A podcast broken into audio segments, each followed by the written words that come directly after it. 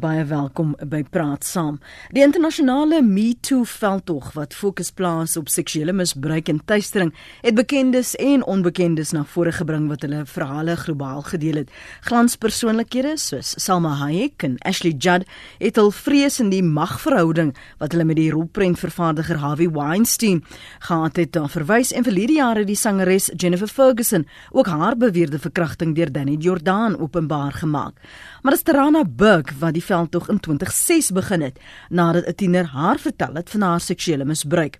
So links en regs word prominente persoonlikhede afgedank, die akteur Kevin Spacey, Matt Lauer van die Today Show, Charlie Rose van CBS This Morning en het gister 'n CBS se nuus se politieke direkteur afgedank weens onwelvoeglike optrede. So, wat nou?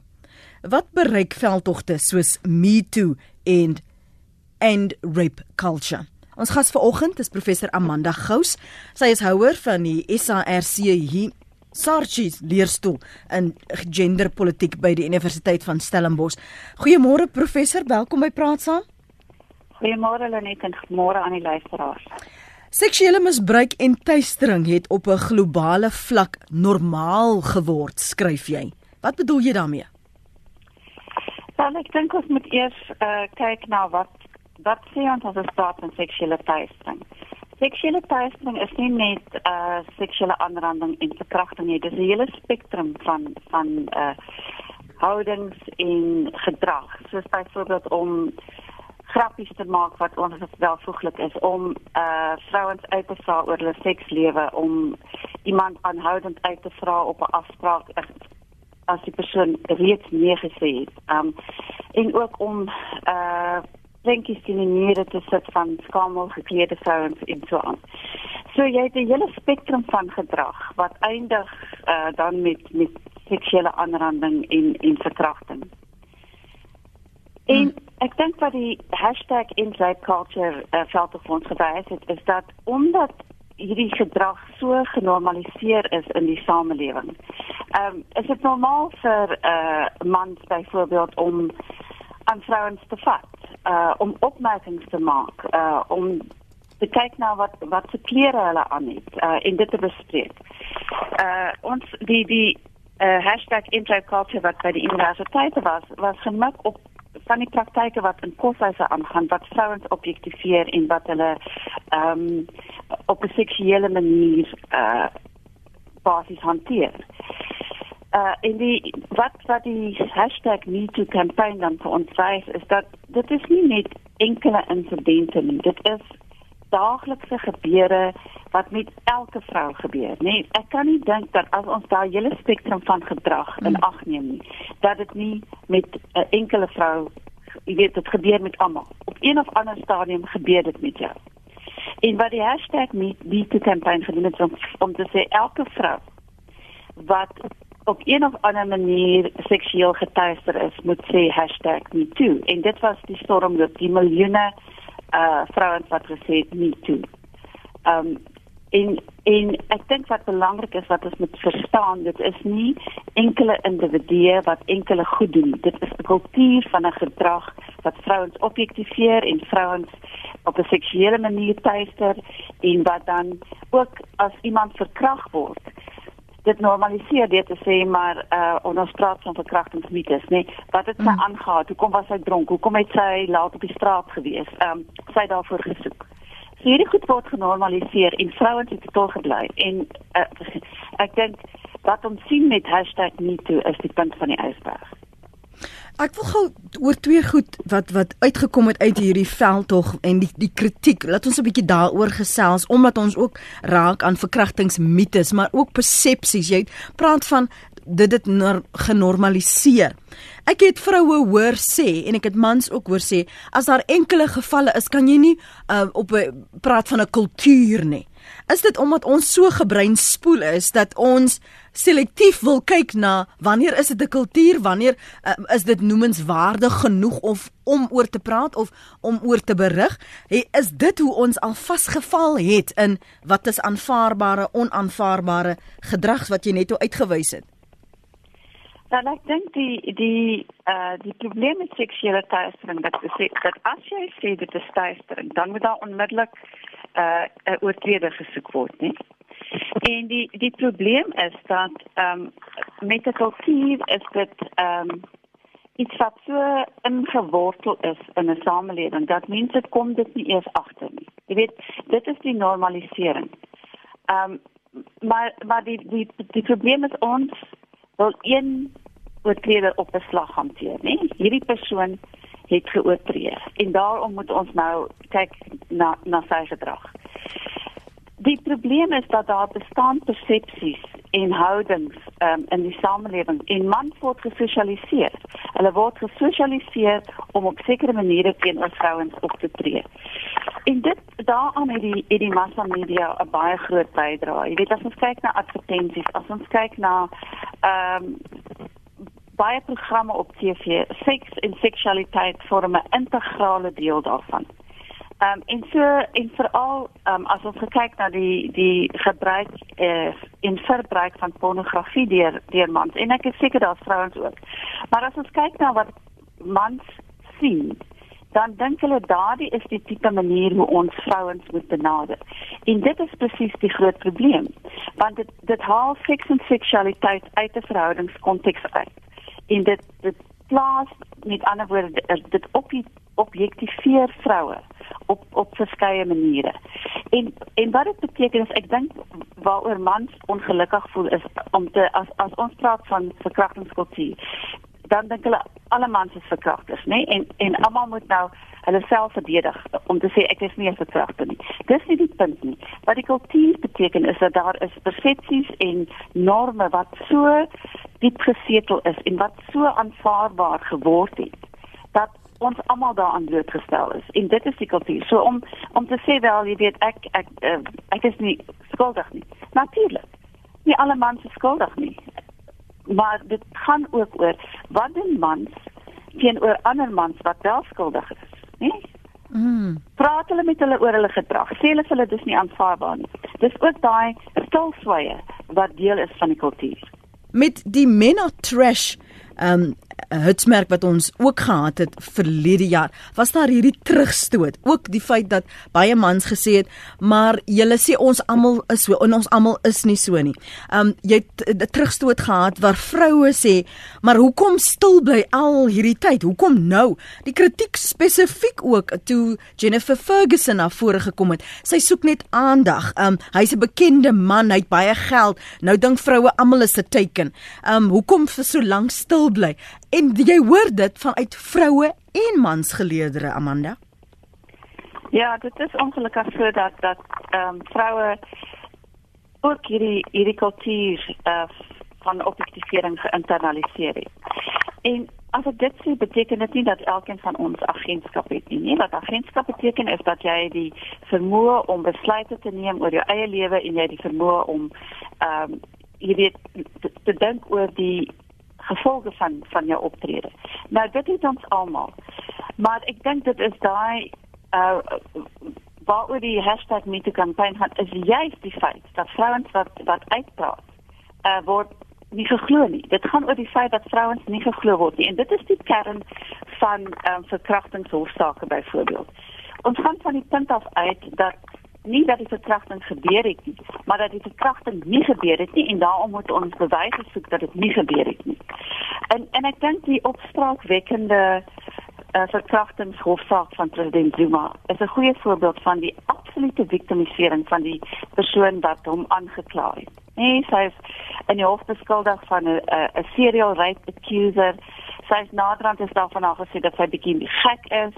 Ehm um, en dat sy basies uh opgetree het, so opgetree het om te voorkom dat Zuma sy politieke loopbaan kan voortsit en so aan. Met ander woorde, die onus is altyd op vrouens om te bewys dat dit wel gebeur het.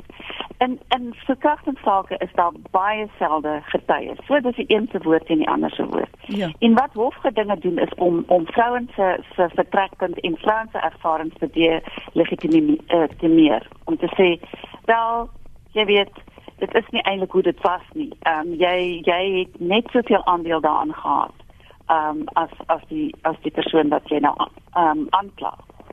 En en dit is baie moeilik uh, want die want die hofprosedures werk in die guns van die oortreder as dit by by 'n uh, verkrachting sal kom. Ek lees nou-nou wat jy skryf hier op ons SMS lyn. Ehm um, een sê dit verstom my dat vroue hulself so as onskuldige slagoffers uitbeel watter 'n uh, houding en liggaamstaal wat mans uitlok tot seksuele gedrag.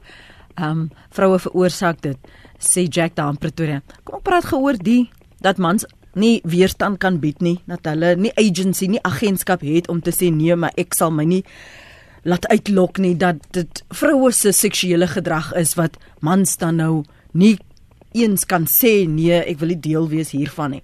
Uh, kom ons praat oor hy beskuldig vroue van onskuldige slagoffers uitbeeld en dat hulle die rede is, die lokaas is um, vir die mans se respons. Kom ons praat gou 'n bietjie daaroor. Ja, kyk, ek meen dat is uh, die die persoon wat daar daar check. Mm, Pretoria.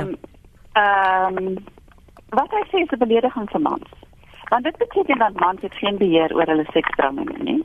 Ehm um, hoe 'n vrou ook al aangetrek is beteken nie sy vra om verkragt te word nie.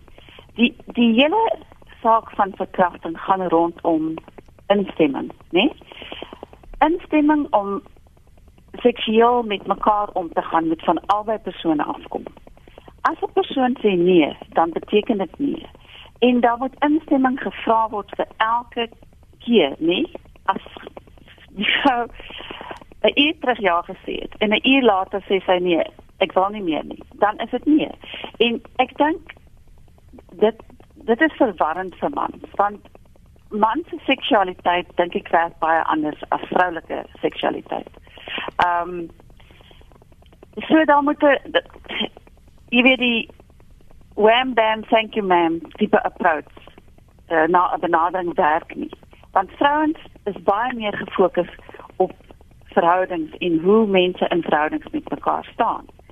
Ehm um, en ek dink wat die media vir ons basies genormaliseer het is dat hierdie jy weet benadering om net vir iemand eh, jy weet vra en dan spring jy in die bed en dan is dit alles fyn. Ehm um, werk nie.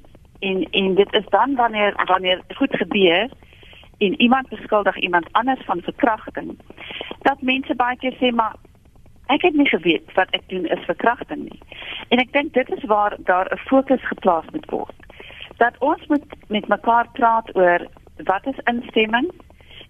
Ek kan verstaan dat mans verward is, want jy weet, ek dink ehm um, daar is 'n kultuur wat maak asof goed aanvaarbaar is en dan gebeur daar iets. En wat hulle gedink het is aanvaarbaar is nie vir vrouens byvoorbeeld aanvaarbaar nie. En dan kry ons hierdie baie moeilike situasies van waar, waar man sê maar ek het werklik nie gedink wat ek doen is is ehm um, duistering of is verkrachting nie. Ja. En ek dink dit is waarom ons uh, by die universiteite dit baie nou baie ernstig opneem om om uh, studente veral in hulle eerste jaar te oriënteer oor wat is seksuele teistering, wat is aanranding, wat is verkrachting, wat is instemming. Ehm um, omdat Ek dink nie mans en vrouens is op dieselfde bladsy nie. Praat saam goeiemôre. Môre Jacques en Saul. Hallo Jacques. Môre. Môre Lenet, môre Amanda. Ehm um, jy weet eh uh, veldtogte werk nie. Maar elke man en elke vrou kan 'n verskil maak in ons land. Nie net in hierdie aspek nie, maar in alle aspekte. Dit gaan nou oor oor jou gesindheid. Hoe tree ek op? Ry ek oor 'n rooi lig? Stop ek by 'n stopstraat? Wys ek vingers? Ons mans moet 'n voorbeeld stel in alle opsigte. Ehm um, wat is dit wat maak dat my seun korrek teenoor dames optree? Het die voorbeeld gesien. Ehm um, en ek waak beweeg, praat ek met mense as ek in die winkel kom of waar ook al uh vir al ons jong mans maar enige iemand en natuurlik in die werkplek. So terloops ek is nou die dag deur my kollegas gekies as meneer visserye. en baie trots op op die ouderdom van 58. Maar dit gaan daaroor, nou hoekom het hulle vir my gestem? Glo ek. Want hulle weet ek respekteer elkeen van hulle in hierdie jaar sal dit wees vir 30 jaar. Ek ken nie almal van hulle lank. Maar Ehm um, dit is net elke man moet besef en daar is 'n kultuur. En en wat my die meeste bekommer is dat daar deesdae hierdie kultuur is op my alma mater wat Amanda nou alles van sal weet. En ons het nou al so baie daaroor gepraat en wat gaan ons doen in 'n veldtogte en so aan. Maar as jy kyk byvoorbeeld na die dag met my Ferguson, ek het op sosiale media het ek al ondersteun. Die reaksie was gewees van iemand, uh, ag sy soek geld. Jy weet daai tipe, soos altyd hierdie geafmaker of sy het gesoek daarvoor of sy het. So daai hele ding moet omgekeer word dat dat ehm um, daar nie altyd hierdie negatiewe reaksie is nie. En en vrouens is hulle eie grootste vyande in hulle optrede. Mammas met hulle dogters van kleintyd af natuurlik korrek optree as voorbeeld vir daai dogters in alle opsigte en alle geleenthede, maar dan ook by daai dogters soos by hulle seuns en die paas is ook betrokke om 'n voorbeeld te stel en 'n en 'n kultuur te kweek van reg optree teenoor alle mense, respek, die hele ding oor respek betoon. Ehm um, wat doen ek as ek buite in die straat loop? Ek groet mense. Ek gee nie om of hulle my nie groet nie.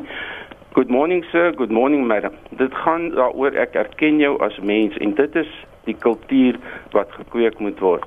Ehm um, net ten slotte weer as ons terugkom na maas, hulle moet dogters moet geleer word en sukses paas moet betrokke wees dat jou uh, uh, gesindheid en dit sê ek vir my kollegas ook laas jaar op Vrouedag het daar 'n boodskap van my uitgegaan wat gesê het uh hulle het 'n byeenkoms gehad op Vrouedag en en hulle gesê you are worthy. You are worthy because God deems you worthy en en daai ding van dat dat vrouens uh, hulle uh, of mense hulle self nie respekteer nie. En ons moet dit vir mekaar sê, jy's 'n mens, jy's waardig en jy verdien respek en mense moet jou so behandel. En dis klein goedjies. Ek kom terug na die stopstraat in die rooi lig. Dit is die klein jakkalsies wat die wingers wingerd verniel en dit is waar ons moet verander. Mooi dag vir julle en ek glo 2018 gaan 'n groot jaar wees voorspoed. Baie dankie daarvoor, Jacques. Praat saam goeiemôre. Goeiemôre, dis Pietro Potgieter van Welkom wat praat. Ja, Pietro. Ek wil graag sê dat ek het baie keer uh, ek het nogal simpatie ook met die mans baie keer. Daar uh, as ek byvoorbeeld 'n klag gaan lê nou by die polisiestasie en ek sê 'n man het my verkrag. Sonder om regtig na sy storie te luister dan word hy sommer gearresteer. Ons het 'n geval hier in Welkom gehad van uh, 'n meisie wat 'n klag gaan lê teen 'n 'n jong man. Die jong man is gearresteer en hy is die naweek aangehou omdat dit 'n naweek was. Hy was die hele naweek in die, in die gevangenis sit uh tot die maandag dat hy voor die hof kan kom. En toe hy nou voor die hof kom en uh sy maat vir my prokureur gekry ook en so aan toe kom dit uit dat die meisie het eintlik maar uit weerwraak die klag gelê. Dit was hy onskuldig geweest. Maar die skade was klaar gedoen. Almal het geweet of sal ek nou sê die meeste mense wat saam met hom werk en so aan het nou geweet dat hy is nou gearresteer vir verkrachting.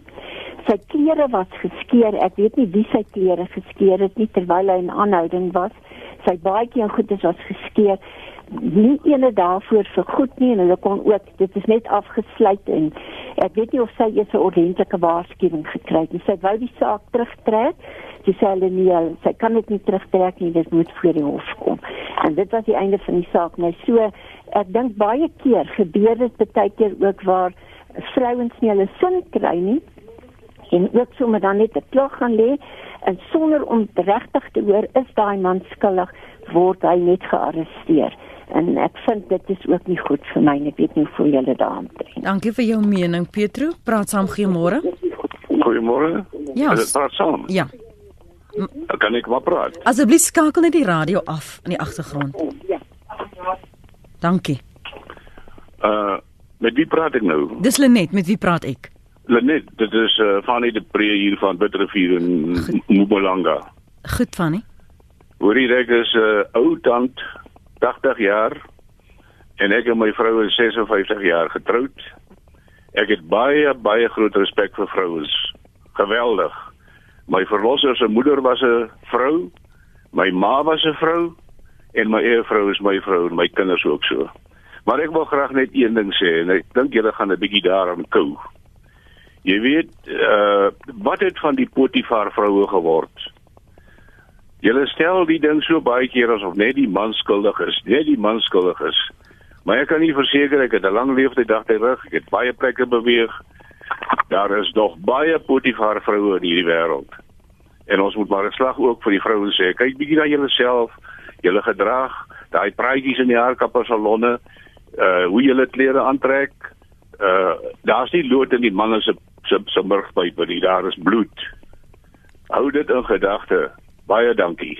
Totsiens. Goed. Dankie Fani en Pietro en Jacques vir julle kommentaar tot dusver. Nog 'n luisteraar skryf hier 'n boodskap woorde wek voor hulle strek. 'n uh, Ander een sê, uh, "Waar is die Potifar vroue?" Uh, ek weet nie of mense regtig dit moet skei al die punte nie, maar kom ons probeer. Um, ek gee vir jou ek kans. Sal, laat ek maar maar uh jy weet reageer.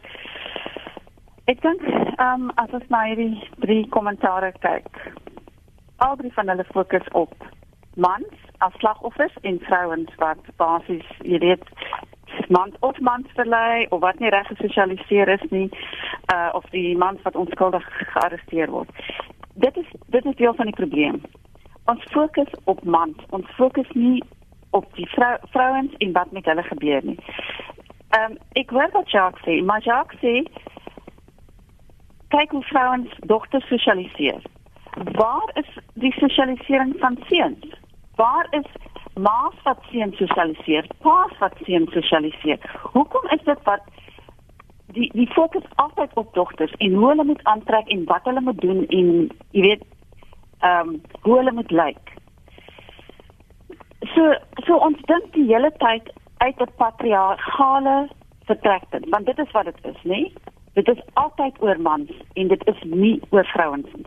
Ehm um, as ons 'n verkrachting ehm um, statistiek in Suid-Afrika het wat in laas jaar was dit 54000 in in iets. Mm. Al 54000 verkrachtings kan nie weer wraak wees of of of klagtes wat gelees kan nie weer wraak wees nie. Kan nie wees dat jy weet ek gaan iemand terugkry nie.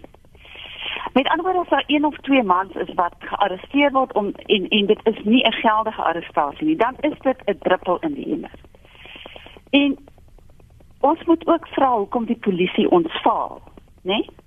Dit faal meeste van die tyd die slagoffers, né? Wat hulle word nie geglo nie, hulle sake word nie opgeskryf nie, hulle word weggestuur van die polisiestasie af sonder enige aksie.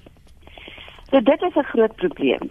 Um en ek is seker dat ek verstaan die skade wat mans ly as dit onskuldig is, nie. Maar wat ek sê dit is daai gevalle is so min in vergelyking met met die verkrachtingsstatistiek in Suid-Afrika wat die hoogste in die wêreld is.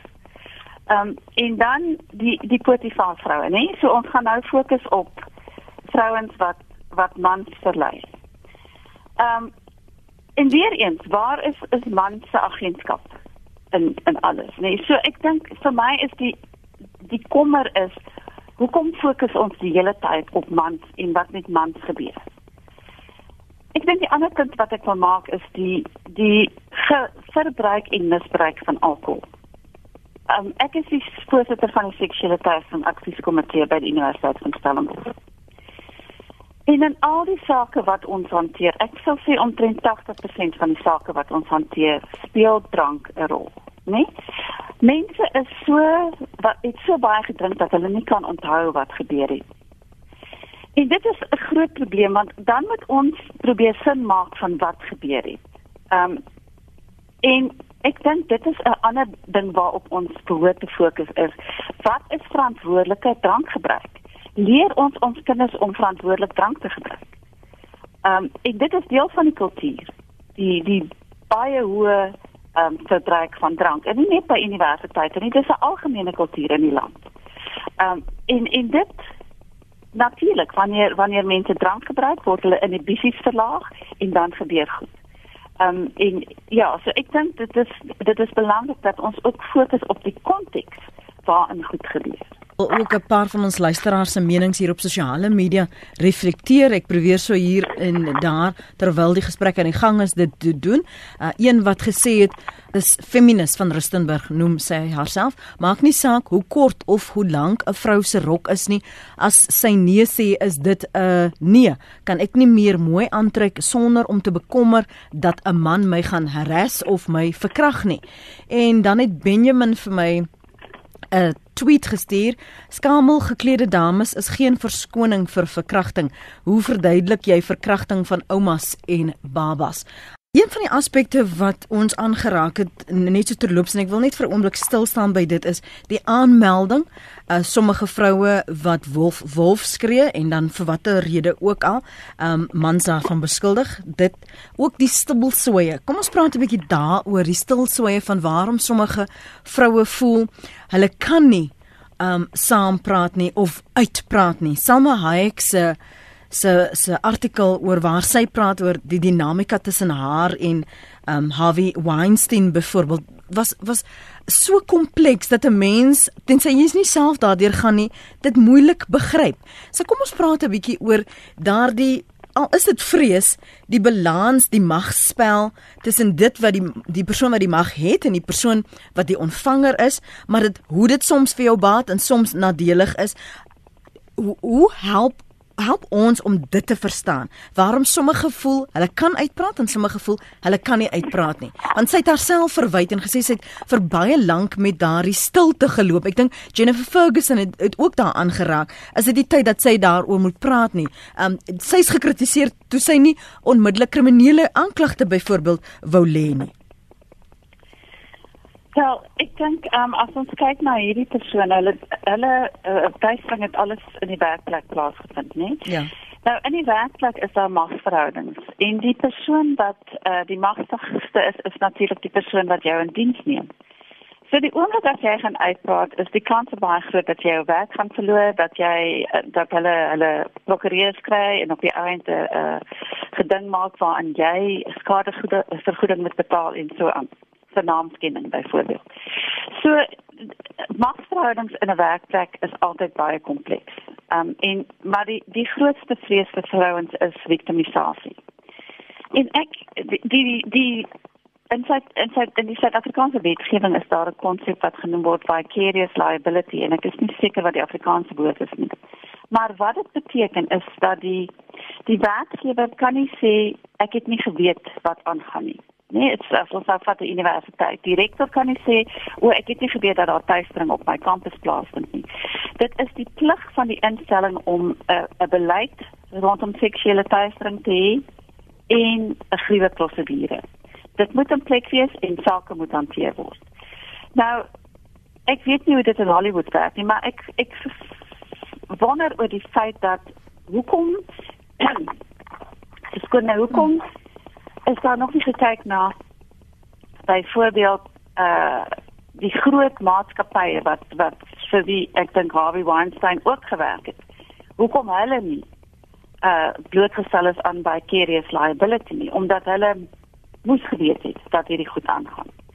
Ehm um, maar maar en ek dink dit is die, die grootste probleem is wanneer jy nie 'n beleid in plek het nie en wanneer jy nie 'n gruwe prosedure het nie want dan is daar nêrens om heen te gaan nie. Nee, vir vrouens in die mhm. werkplek as dit nie bestaan nie, dan is daar nêrens om heen te gaan nie.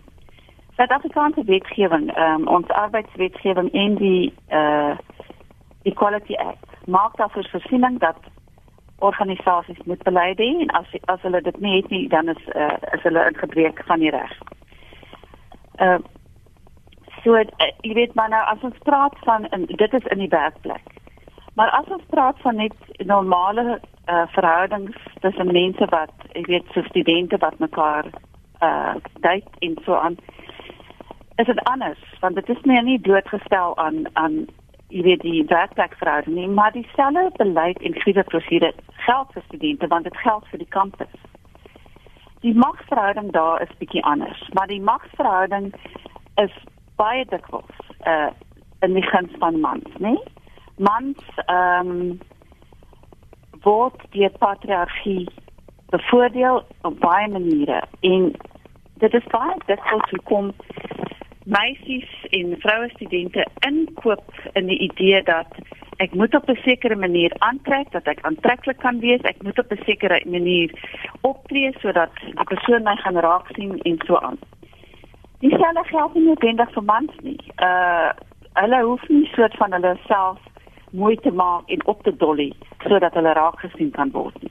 En dit is hoekom die fokus so dikwels is op hoe sy gelyk, wat ja. het sy aangetree, hoekom was haar rokkie so kort? Al hierdie goed. Ehm um, vat die fokus weg van die magsverhouding en plaas dit op die individu se verantwoordelikheid. Mm. En ek dink wat belangrik is is dat ons moet ophou fokus op iets wat aangaan en en kyk na hoekom is dit dat mans dink as iemand 'n kort rokkie aan het, dan is dit 'n uitnodiging vir verkrachting. Wat is daai dit is een van die verkrachtingsmites, né? Ja. Hoekom hoekom bespreek ons nie hierdie verkrachtingsmites met ons kinders nie? Op die ou einde gaan dit oor die selfrespek wat elkeen vir hom of haarself het. Jy as jy selfrespek en integriteit het, gaan jy aantrek op 'n manier wat vir jou goed laat voel oor jouself en wat met ander woorde nie bydra tot die idee dat ehm um, dit gaan te mans oor hoe ek aantrek. Ehm um, ek wil graag anoniem wees al 60 jaar oud en my suster se man het my uh, seker van dat ek 4 of 5 jaar oud is bevoel en bevat. Ek het een keer in die familie daaroor uitgepraat. Ek kan nie saam gaan op 'n funksie nie waar hy is nie en natuurlik was almal geskok en kwaad vir my. Verlede jaar by my broer se begrafnis groet hy my Sjoe, druk sy tong in my mond. Ek is so geskok ek loop toe weg. Nou is ek kwaad vir myself want ek het niks gedoen nie. Um dit is een van ons luisteraars se se SMS se daarin. Praat saam goeiemôre. Goeiemôre. Dis Adel. Ek wil graag saam praat. Goed Adel, gaan voort. Dankie. Ehm um, dis wat David praat en ek is hier van die Weskaap en my meisiekind was ehm um, of sy gaan nou graad 8 toe, maar sy was graad 7 en is van my van mening dat seuns glad nie meer respek het vir meisiekinders vandag nie. Die die goeters wat hulle doen, wat hulle wat hulle praat, hoe hulle optree teenoor ons meisiekinders. Sy is eintlik van mening dat alles seuns slak op hierdie stadium is en ek het self geervaar ge hoe seuns met hulle maas praat. Nou dink ek, hoe kan jy jou seun nie aanpraat nie? Jou kind praat met jou asof jy niks is nie. En dit dit kom by opvoeding van van hoe jou seun grootmaak, hoe hy sy ma behandel, hoe hy sy suster moet behandel. Ek praat baie met my meisiekind en sy is regtig waar sy sy weet wat aangaan.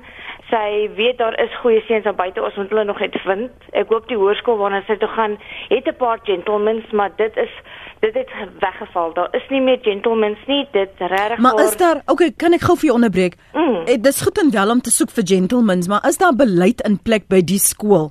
As daar iets sou gebeur, voel jou gaan jou kind veilig voel, gaan daarna geluister word? Is dit deel van jou kriteria waarna jy kyk om te sê, "Okay, ek het my kind so groot gemaak, ek kan nie verantwoordelik aanvaar vir hoe ander ma's hulle seuns of ander pa's hulle seuns in uh, in in dogters groot gemaak het nie."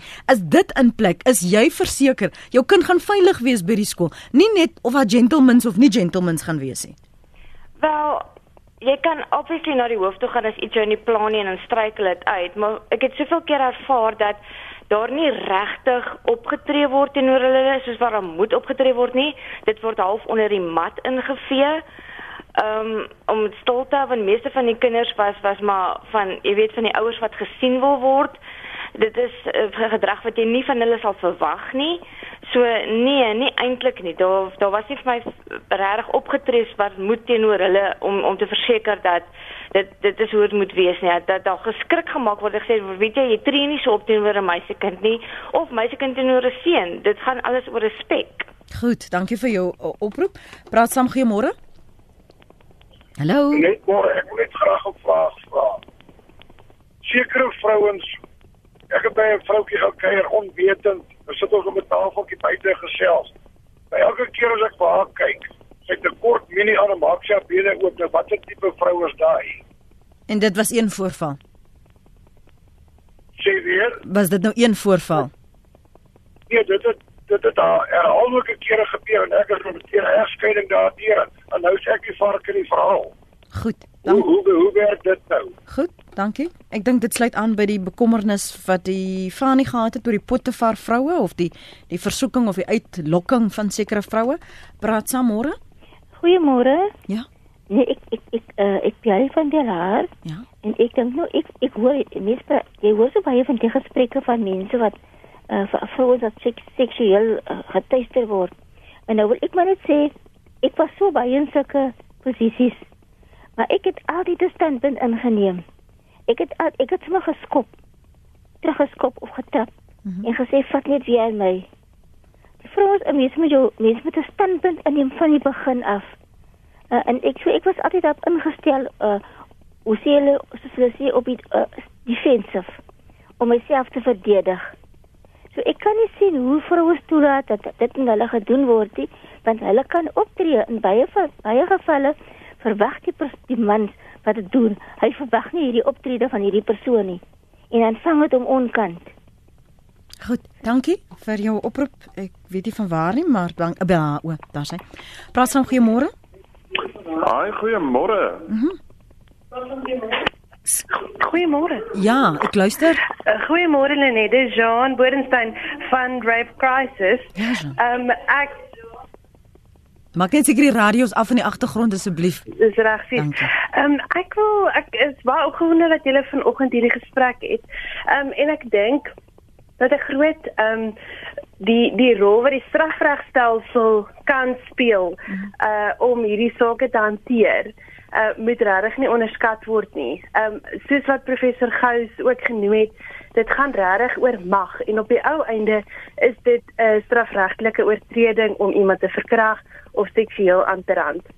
En ek dink wat ons oor en oor sien um, met kliënte wat by rape crisis ons dienste gebruik maak, is dat hulle voel dat die strafregstelsel nie die saak ernstig genoeg opneem nie. Hmm. En ek dink um, ek wil net weer eens noem dat daar wel gespesialiseerde howe is wat um, oor die land stelselmatig um, op die been gebring word om erns en um, die staatse commitment aan die oplossing van hierdie sake te wys. Want op die ou einde het ons 'n strafregstelsel nodig wat 'n sterk boodskap stuur na oortreders toe dat dit nie die vrou se skuld is as sy verkragt word nie. Dat dit nie ehm um, enige iemand se mag is noodwendig om te kan nee sê nie. Dat dit regtig 'n uh, strafregtelike oortreding is wat gestraf moet word.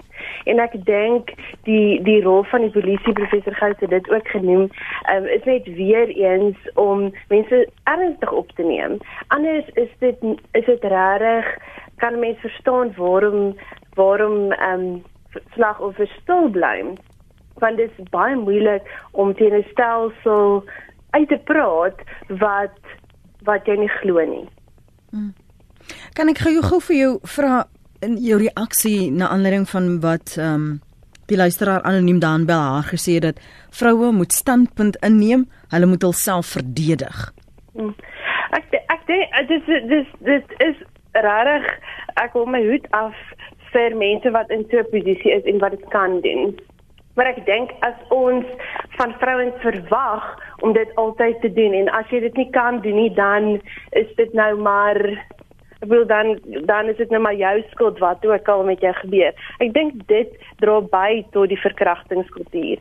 So dit is wonderlik as vrouens in 'n posisie is om te kan sê nee of om te kan opstaan. Maar ons moet ook besef dat daar baie vrouens is wat wat verkragt word, wat seksueel getuister word, wat seksueel aangerand word en maak nie saak hoeveel keer hulle nee sê nie, maak nie saak hoeveel van hulle fisieke krag hulle gebruik nie, hulle kan dit nie afweer nie.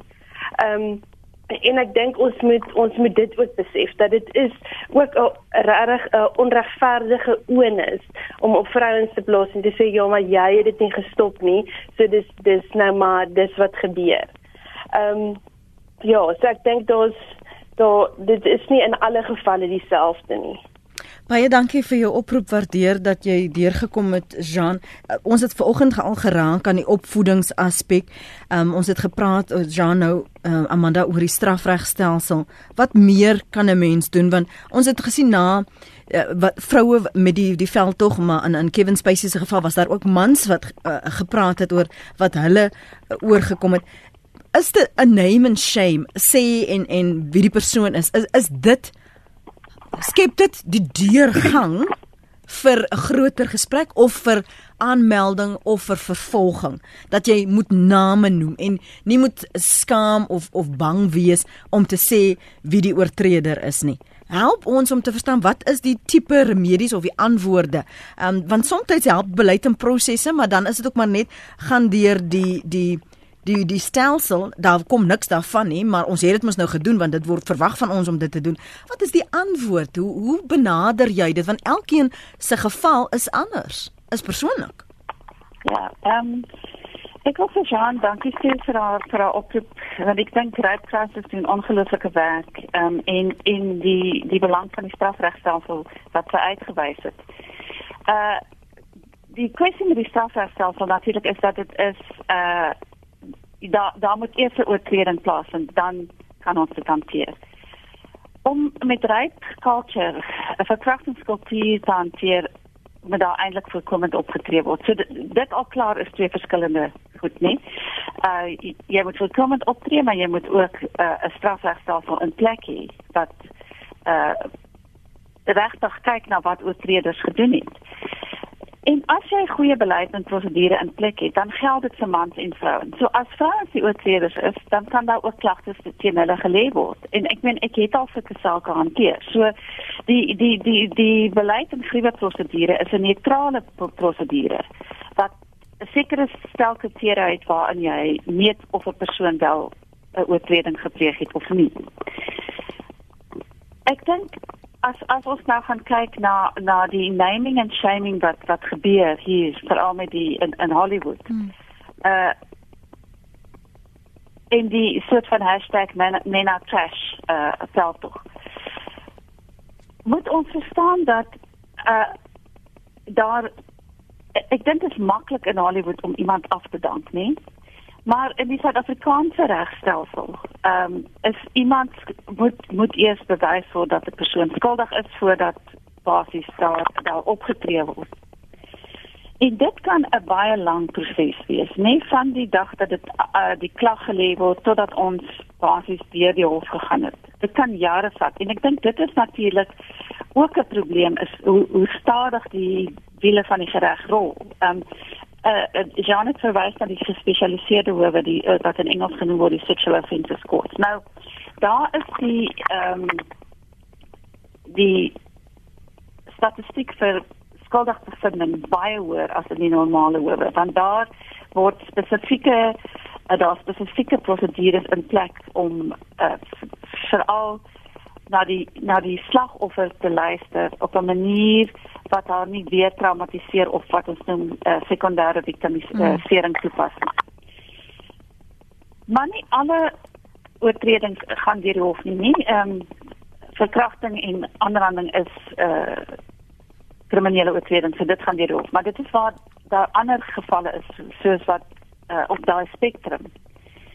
En dan het jy jy het werklik mense met ekspertise nodig om hierdie sake te ondersoek en ek dink baie dikwels wat gebeur in werkplekke is dat hulle hulle gee dit vir menslike hulpbronne, HR, en HR moet dit hanteer en HR is nie eintlik opgelei om dit te hanteer nie. So mense moet ook baie seker maak as jy 'n werkgewer is, uh dat jy jy, jy weet die regte mense in plek het om hierdie sake te te ondersoek. Maar jy weet ek dink die feit dat dat hierdie uh #MeToo kan uh, self so groot geraak het is om vir ons bewus te maak van hoe enorm die probleem is. So die grootste bate van hierdie veldtog is om om die bewustheid te kweek oor hoe groot die probleem is en hoekom vrouens stil bly en jy weet dat daar werklik ehm um, wat ons kan noem sexual predators daar is. Harvey Weinstein is een van hulle. En net kyk waarmee hy weggekom. Uh om te sê uh, soos die uh, een van die in uh, bellers gesê jy jy moet terugslaan. Wel Harvey Weinstein het jou in sy kamer ingedwing. Hy het sy klere uitgetrek. Ek meen wat doen jy nou? Skop en slaan jy vir Harvey Weinstein. Dit is die einde van jou loopbaan met met hom, maar dit is die einde van jou loopbaan vir altyd want hy sal seker maak dat jy nooit weer deur iemand anders in diens geneem word nie. So dit is nie so eenvoudig om te sê jy weet veg terug nie. Uh magsverhoudings maak dit nie so eenvoudig nie. En ek dink dit is hoekom weer eens uh moet ons kyk wat is in plek uh enige iemand wat aansoek doen vir 'n werk. Een van die belangrike vrae wat jy moet vra in jou onderhoud is, het jy 'n seksuele tuisdingsbeleid? Hmm. Werkgewers moet dit hê. Dit is deel van die wet. Ehm um, en ek dink dit is, jy weet, die ander belangrike ding is dat ons wel wanneer wanneer iets gebeur, nê, vir die persoon sê jy maak my ongemaklik, ek hou nie hiervan nie. Uh moet dit asseblief nie weer doen nie. Nou vir party mense is dit maklik om dit te sê, vir ander is dit moeiliker om dit te sê. Veral as jy kyk na wat dit wat dit gaan beteken in terme van victimisering. Ehm um, maar maar ek dink dit is baie belangrik dat dat mense ingelig is oor die die beleid en die skrywe prosedure en ook wat is die definisie van seksuele teistering. Ja. Ons het lank terug 'n studie met studente gedoen om hulle te vra wat hulle gedink wat dink hulle is seksuele teistering en omtrent 85% het gedink dit is net seksuele aanranding en verkrachting. Hulle het nie gekyk na die ander spektrum van gedrag. Maar as jy dan vir vir die meisies sou vra nou as dit met jou gebeur, maak dit jou ongemaklik. Ja, dit maak hulle ongemaklik, maar hulle het nooit daaraan gedink as as tuistering nie. So ek dink dit is deel van hoekom ons uh, met studente oriëntering doen, maar ook op hoërskool. Ehm um, ek het kinders in die hoërskool gehad en uh lewensoriëntasie. Jy weet daar is soveel moontlikhede om goed te doen mm. met lewensoriëntasie. Mm. Maar dis nie deel van die kurrikulum nie. So mense leer nie ehm um, wat is seksuele teistering op skool nie.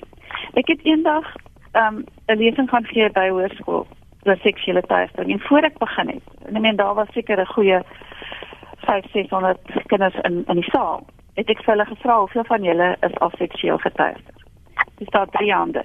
Nadat ek vir hulle verduidelik het wat 'n seksuele teistering en hoe moet ons daaroor dink, toe was daar omtrent 80% van die hande opgegaan. Ja. So dit dit wys jou ook die die vlakke van ehm um, onbewustheid ja. in in ignorance oor oor wat is teistering en dan ook wat wat jy daaraan kan doen as dit met jou gebeur. Amanda, baie baie dankie vir jou beskikbaarheid vanoggend. Dankie vir die openhartige gesprek wat ons kan hê, die platform om nie net bewustheid nie, maar die ten minste die openheid te skep vir mense om hulself te vergewis van wat dit is en hoe om dit te hanteer en wat besig is om te gebeur en dat ons nie ooit kan sê ons het nie geweet nie of dis die ekkie en dit was die ekkies dis iemand anders en net wegstap nie. Baie dankie vir jou tug en 'n voorspoedige 2018 vir jou.